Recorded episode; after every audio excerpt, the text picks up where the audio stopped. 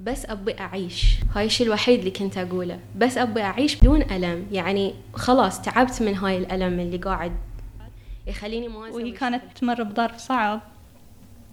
فمرة واحدة يعني لما شفت دموعها صار بوز إلى كل شيء هذا المريض سوت وصار كأنه ما ربنا تعيد على كل اتصال جاك تفكر في المريض وتفكر في شي سويته في شي ما سويته.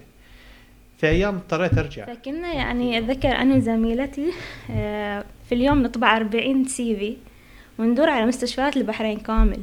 لين ما حفظوا وجهنا.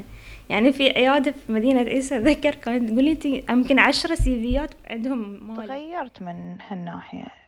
إحنا نكون فرجة في أي مكان نروحه. خلاص. تعودت على هذا الشي العيون تكون علينا.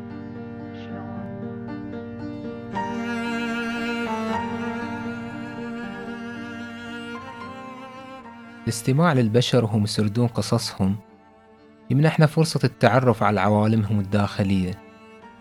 يخلينا ندرك شي من تصوراتهم الخاصة. هذا الإدراك يوسع قدرتنا على فهم الآخر وبذلك ينمو الإنسان اللي داخلنا.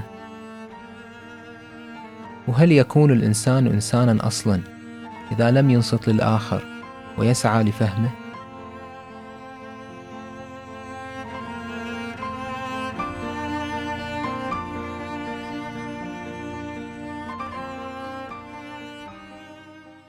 الإنصات للآخر يخلينا نلمس حقيقة أن كل إنسان إنما هو كيان متفرد بذاته لعدسة خاصة اللي يبصر من خلالها الوجود العدسة اللي تشكلت من شخصيته ومجموع تجاربه وذكرياته. هذه الحقيقة اللي نغفل عنها وإحنا نشوف البشر من حولنا يتدافعون في زحام الدنيا. لذلك اخترنا في هذا البودكاست إن نخلي القصة وسيلتنا اللي من خلالها نضيع عوالم البشر المهملة والخفية. وسبحان من يعلم السر وأخفى. بنستمع لقصص البشر في عالم الطب والصحة بمختلف أدوارهم.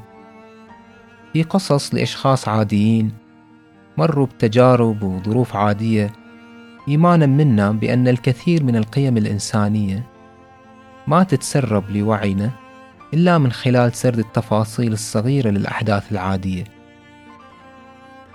أتمنى أن يحوي هذا البودكاست على ما ينفع الناس ويمكث في الأرض.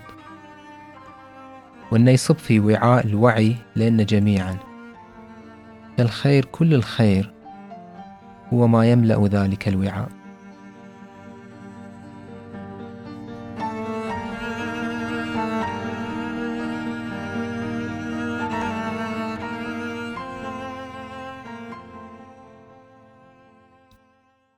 إذا كان عندكم قصة تجربة شخصية أو قضية صحية ترغبون تسليط الضوء عليها تقدرون تواصلون ويانا على البريد الإلكتروني بشر.pod@gmail.com أو على صفحة البودكاست في الإنستغرام بشر.pod وراح تشوفون الحسابات هذه في وصف الحلقة.